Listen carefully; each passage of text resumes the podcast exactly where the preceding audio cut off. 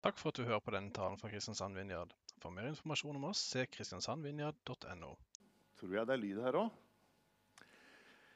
Godt å se dere, altså. Riktig godt nytt, nytt år til de som jeg ikke har sagt det til. Ehm, jeg kjente at jeg gleda meg til å komme og være sammen med dere i dag. Og har forventninger til at Jesus er her. Har du det? Han er her. Så når jeg skal snakke nå, så prøv alt du kan å høre hva Jesus sier. Han kan til og med si ting eh, som jeg ikke sier. Mens jeg står her, så har forventninga at han taler til hjertet ditt. Eh, når jeg var 15 år, da inviterte jeg Jesus inn i mitt liv for første gang. Og I tida før dette, her, i ungdomstida 12, 13, 14, 15, så hadde jeg tatt mange dårlige valg. Og jeg hadde en skikkelig dårlig retning på livet, uten å gå i detaljer på det. Men jeg var med på ja, innbrudd, hadde røkt i mange år, laga hjemmebrent osv. Litt tidlig for en 15-åring, men jeg hadde en dårlig retning på livet. Og i mitt møte med Jesus denne sommerdagen når jeg var 15 år, så sa jeg ja til Jesus, og så eksploderte det av glede. Helt ufattelig. Og det var, altså, når jeg tenker tilbake på den tida, så, så var det virkelig som om at jeg svevde på en sky av lykke og glede. Og det var, altså, var ikke et problem i verden. Det var bare ufattelig kjærlighet. Og jeg husker at eh, 9. klasse begynte jeg da, etter dette skjedde. Og jeg måtte fortelle alle, i hvert fall mange, om det som hadde skjedd.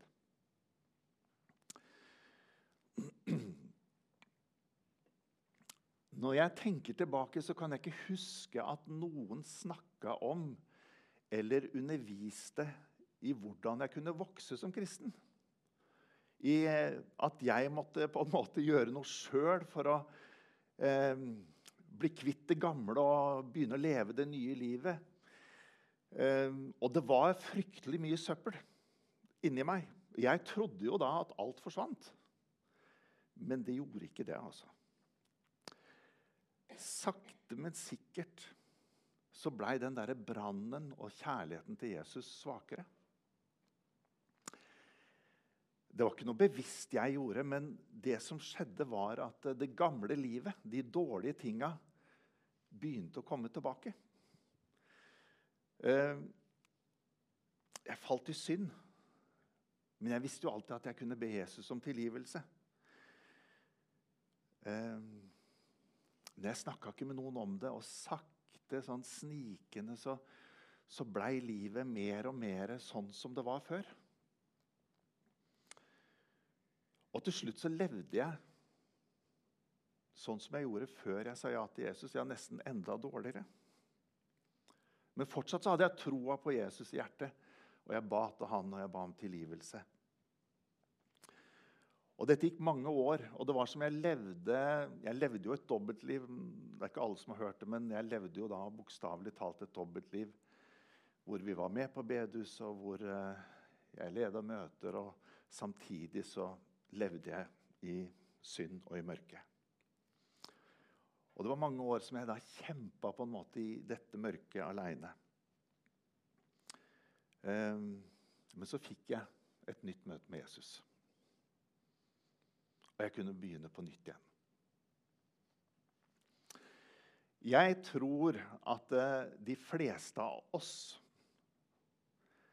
lengter etter forandring på et eller annet punkt i livet.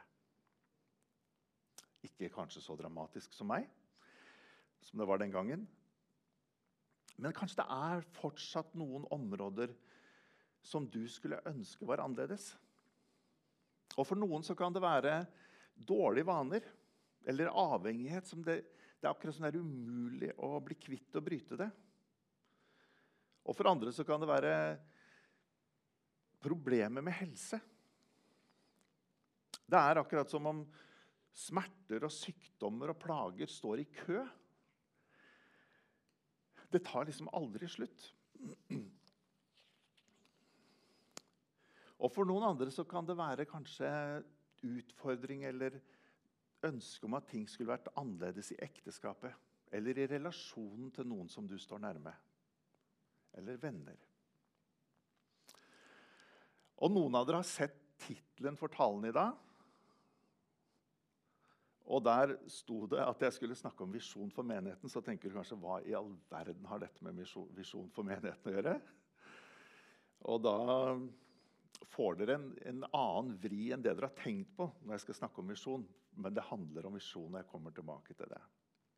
Kan vi ikke bare fortsette å be litt? Jesus, vi bare takker deg for en ny dag, ny uke, et nytt år. Vi takker deg for din ufattelige nåde. At uansett hvordan livet har vært, uansett hvor vi er nå, så rekker du ut handa og så sier du, 'Kom til meg'. Og så vil du fortsette å rense oss og helbrede oss og sette oss fri.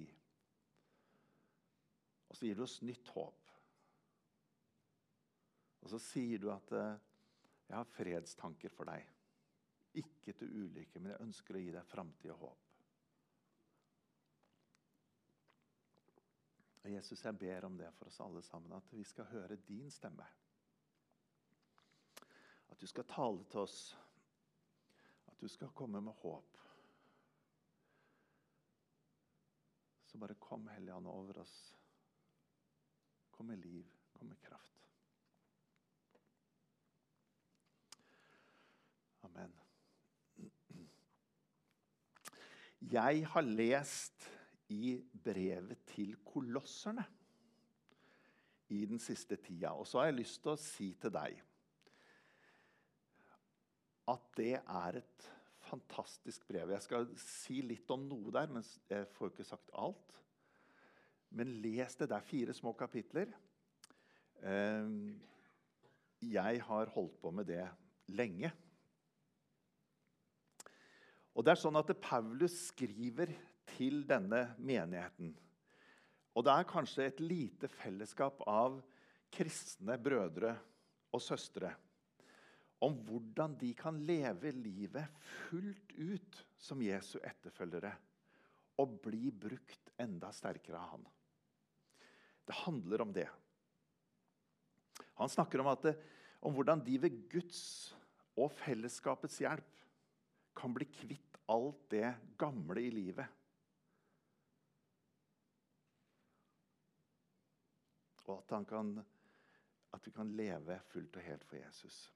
Og I det første kapitlet, så sier, eh, kapittel 1, vers 10, så sier han Da kan dere leve et liv som er Herren verdig, og som helt og fullt er til glede for Han, så dere bærer frukt i all god gjerning og vokser i kjennskap til Gud. Det vil vi. Eller? Det vil jeg. Og så skal vi begynne i eh, kapittel 3. Jeg skal gå gjennom et litt større avsnitt, men jeg skal dele det litt opp. Og Det er fra kapittel 3, vers 1-4 først. Og hør hva han sier. Er dere da reist opp med Kristus, så søk det som er der oppe, hvor Kristus sitter ved Guds høyre hånd. La sinnet være vendt mot det som er der oppe, ikke mot det som er på jorda. Dere er jo døde, og deres liv er skjult med Kristus i Gud. Men når Kristus, deres liv, åpenbarer seg, da skal også dere bli åpenbart i herlighet sammen med Han. Jeg tror jeg har lest disse versa nesten hver eneste dag fra 1. januar. Spesielt i kapittel 3, men egentlig egentlig hele det eh, brevet. Og, og jeg, Når jeg leser det, så får jeg en sånn følelse av at Gud virkelig taler til meg. Og kanskje også til dere, til oss som fellesskap. Jeg har noe å si dere. Og så sier Paulus også la sinnet være fokusert eller festa på det som er i himmelen. Ikke det som er på jorda. Hallo? Det er lettere sagt enn gjort. Er det bare meg? Nei, altså, Det er sånn vi skulle leve, men det er jammen meg lett. Det kommer tanker og forstyrrelser, eller hva du vil kalle det. Så plutselig er vi jo godt planta på jorda og blir der veldig lenge inne i sosiale medier og ting som skjer med jobb. Alle mulige ting. Og det er ikke galt, men han sier Fest blikket på Jesus. Han sier altså at vi skal feste blikket på, vårt på noe som er usynlig. Eh, hvordan er det mulig? Hvordan er det mulig å liksom ha sinnet og, blikket festa på det usynlige når vi er i det synlige? Og det som slår meg, det er at når Paulus skriver dette her, så sitter han altså lenka fast som en kjeltring i et mørkt romersk fengsel som fange. Jeg tror han hadde klart og lært å leve at uansett det fysiske det rundt, så er det mulig å leve. Og han sier at det, der sier at det, på Kristus, der oppe hvor Kristus sitter ved Guds høyre side Det er ikke bare at han ser, men han ser altså Jesus sitter på høyre side ja, til Gud. Han har det bildet. For oss mennesker så tror jeg det, i hvert fall for meg, det mest naturlige er å fokusere på det synlige. Det fysiske, det som er rundt meg. På omstendighetene mine, på problemene. På bekymringene om økonomi eller helse eller hva det måtte være. Det er det som er mest naturlig for meg å fokusere på. Nei, sier Paulus. Dere er faktisk døde. Han bruker jo veldig spesielt språk. Men det er jo det evangeliet er. altså at det, Når vi sa ja til Jesus og inviterte han i livet vårt, så står det at vi døde med han. Den gamle versjonen av Torbjørn er død. Egentlig. Burde vært. Det er det det står. Men har jeg funnet ut at vi har en fiende som hele tida prøver å vekke til live det gamle som er dødt. Det er kampen. Et annet sted så skriver Paulus ha det usynlige for øyet, ikke det synlige.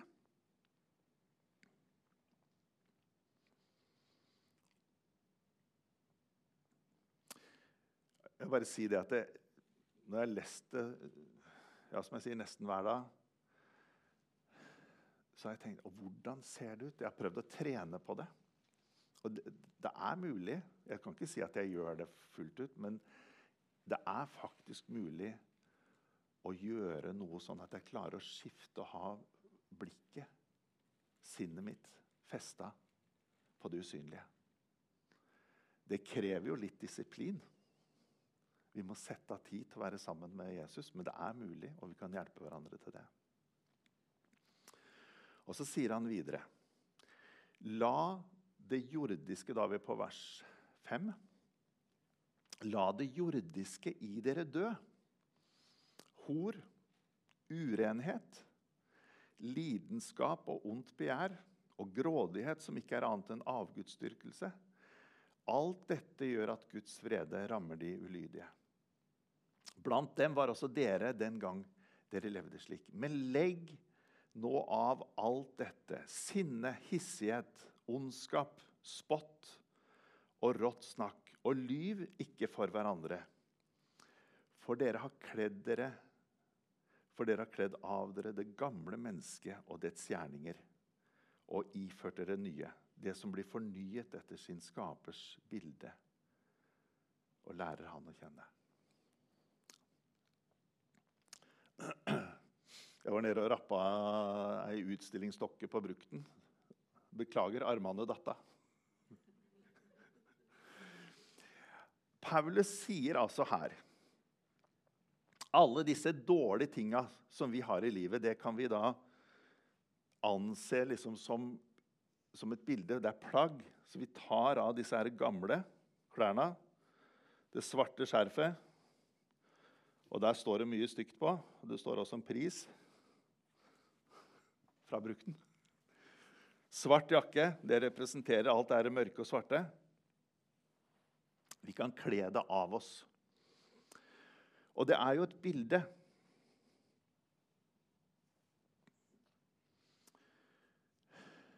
Når jeg bestemmer meg for å ta av jakka mi, så tar jeg et valg. Jeg bestemmer meg for å ta den av, men det skjer ikke før jeg faktisk fysisk tar den av.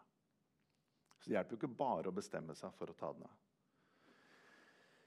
Men så er det ikke alltid like lett med den gamle naturen som å bare ta av seg jakke. Eh, og det har vi sikkert opplevd alle sammen, at eh, det her gamle greiene er seigliva. Mye mer seigliva enn det vi trodde. Den gamle søpla i livet. Og Noen ganger så er det nesten som det er umulig å få av disse klærne. Eh, jeg vet ikke om dere er interessert i dykking, men jeg har sett at det er noen sånne dykkerdrakter. Også Selv en vanlig våtdrakt Aslak, vi har jo drevet med det. Det er ikke lett å ta på seg våtdrakt alene. Det fins riktignok noen sånne hjelpemidler, men det er fryktelig vanskelig. Men det er noen dykkerdrakter som ikke det er mulig å ta på sjøl, eller ta av sjøl. Det må være i hvert fall en ekstraperson som hjelper til å ta på og ta av den drakta. Og litt sånn er det på, med oss også, at kanskje vi trenger hjelp både fra Gud og andre mennesker og fellesskapet til å få tatt av det her gamle, de gamle klærne. Vi trenger helbredelse fra sår. Vi trenger at det usynlige lenker blir brutt for å bli kvitt det her gamle naturen. Og så hopper vi til vers 12.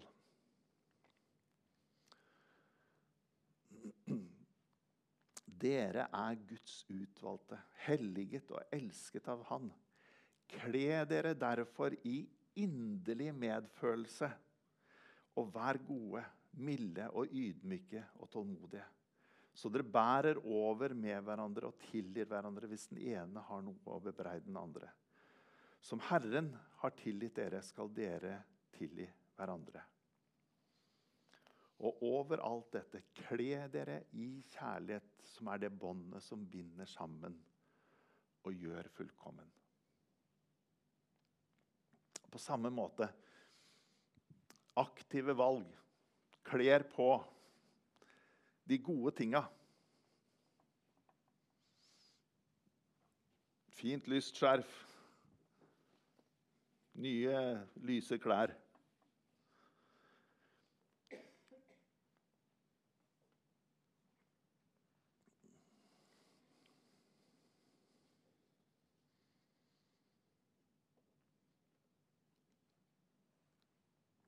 Samme måte som vi kler av oss det gamle, det dårlige, så kler vi på oss det nye. Hvis mennesker som ikke er kristne, kjente oss. Jeg mener at det, De er så tett på oss at de, de hørte hva vi snakka om, og de så hvordan vi var med hverandre. Hva tror du de ville si? Ville de si Wow! Se for en utrolig kjærlighet de har til hverandre. Jeg har aldri sett noen venner som har så kjærlighet og elsker hverandre så høyt og er så gode mot hverandre. Tror dere det er det de ville sagt om oss, om deg og meg? Eller vil de si det der vil jeg ikke ha noe del av. De behandler hverandre dårlig. De lyver, de baktaler hverandre, de snakker stygt om hverandre. De har virkelig ikke omsorg eller kjærlighet for hverandre. Jesus han sa i 1. Johannes 13, 35, Et nytt bud gir jeg dere. Dere skal elske hverandre som jeg har elsket dere. Skal dere elske hverandre. Ved dette skal alle forstå at dere er mine disipler. At dere har kjærlighet til hverandre. De der nye klærne som vi tar på oss, det er inderlig kjærlighet eller inderlig medfølelse. Og jeg, jeg, bare leste litt om det ordet 'inderlig medfølelse'. Det er egentlig en beskrivelse av liksom noe som foregår inne i de indre organene. Altså, du kjenner det fysisk eh, i kroppen. Eh, den derre inderlige medfølelsen at, eh, at eh, når noen lider, så kjenner du det fysisk. Det er så tette, vi er så nære, vi er så kobla sammen. Vi kler på oss godhet, ydmykhet, tålmodighet og tilgivelse. Vi kjenner smerten til våre venner. At vi virkelig lider når de lider.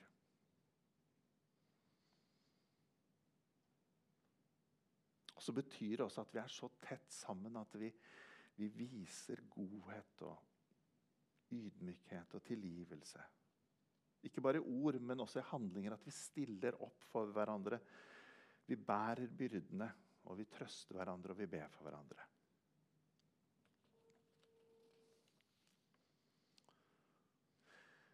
Og Dette brevet det er skrevet altså, til menigheten. Og menigheten, det ordet menighet betyr jo fellesskap av brødre og søstre, søstre kristne som er sammen, har, har liv sammen. Det er ikke Vinjard eller lokale eller bygget, men det er rett og slett når vi som kristne er sammen.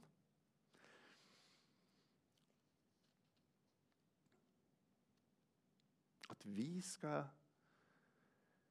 um, leve og hjelpe hverandre til helbredelse og frihet. Sånn at vi kan bli brukt av Jesus for å bringe de fantastiske nyhetene til mennesker rundt oss. Til mennesker som lever i mørket til de syke, til de ensomme, til innvandrere. Vi kan og vi skal være de gode nyhetene til byen, til Kristiansand.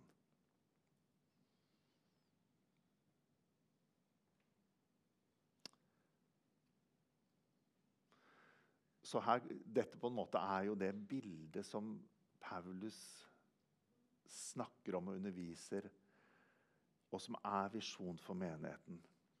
At det, det er et fellesskap hvor vi blir helbreda. Der vi vokser, der vi blir utrusta. Og sammen går ut med de gode nyhetene.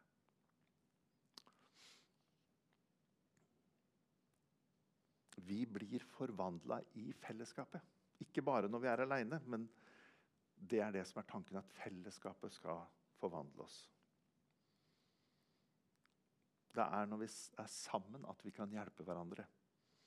Vi kan veilede, vi kan undervise og vi kan be for hverandre. De siste to versene, vers 15 og 16. La Kristi fred råde i hjertet, for til det ble dere kalt da dere ble én kropp. Og vær takknemlig. La Kristi ord få rikelig rom hos dere. Undervis og rettled hverandre med all visdom. Syng salmer, viser og åndelige sanger til Gud av et takknemlig hjerte. Og Det var jo det Tove begynte med, med hvorfor vi tilber. Og her er jo salmer og viser og åndelige sanger til Gud som vi skal synge. Og som Jesu etterfølgere, når vi har sagt ja til han, så har vi Den hellige ånd. Det står at vi skal undervise og rettlede hverandre. Det betyr at uh, Gud bruker deg like mye som meg eller noen andre. Det er forventa at uh, hver og en av oss skal kunne høre fra Gud og bringe til de andre. At vi underviser hverandre. Og det er jo det vi kanskje er lettest å få til i eh, husgrupper, men eh, også her. At eh, kom, når du kommer, så kommer forventninger. Er det noe du vil jeg skal dele i dag, Gud? Og så kan du bringe en hilsen fra Han til oss andre. Og noe av det aller viktigste er jo, som det står her, la Kristi ord få rikelig med rom. Det, det betyr jo at eh, vi leser og studerer alt det som Jesus har sagt og undervist i Nytestamentet. Ikke bare i, i evangeliene Matteus, Lukas, Markus og Johannes. Men også i brevene og i apostelgjerningen hvor det står referert til det som Jesus har undervist. La det bo rikelig iblant oss.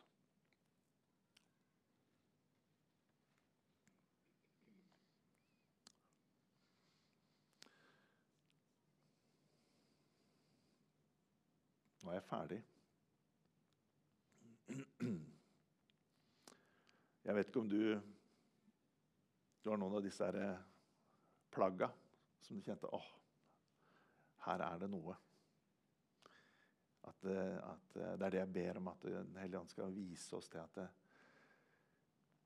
det er fortsatt noe i livet som eh, trenger å bli rydda opp i. Noen sånne usynlige lenker som trenges å bli kutta, eller noen sår fra fortida som kan helbredes. Kan vi ikke bare reise oss helt til slutt?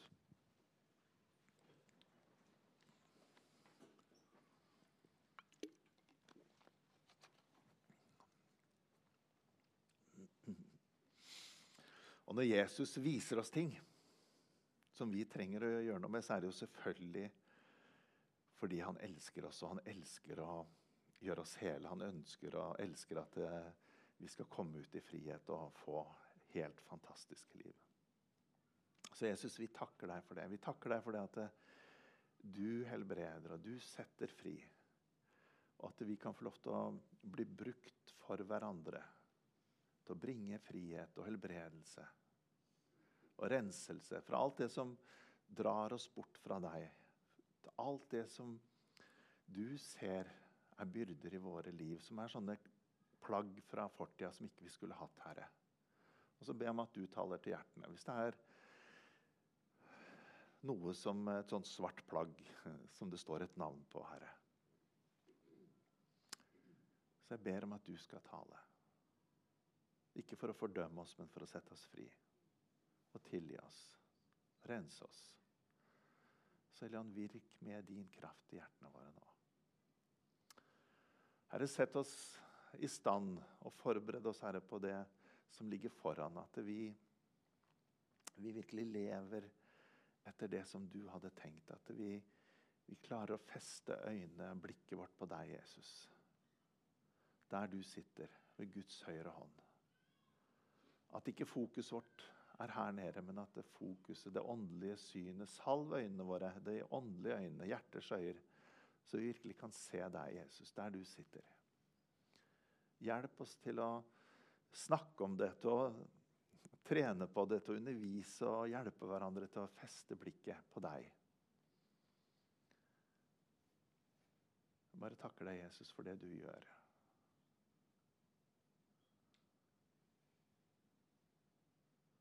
Takk for det at du er nådig og barmhjertig. Full av kjærlighet og medlidenhet. Takk for at du virker, Herre.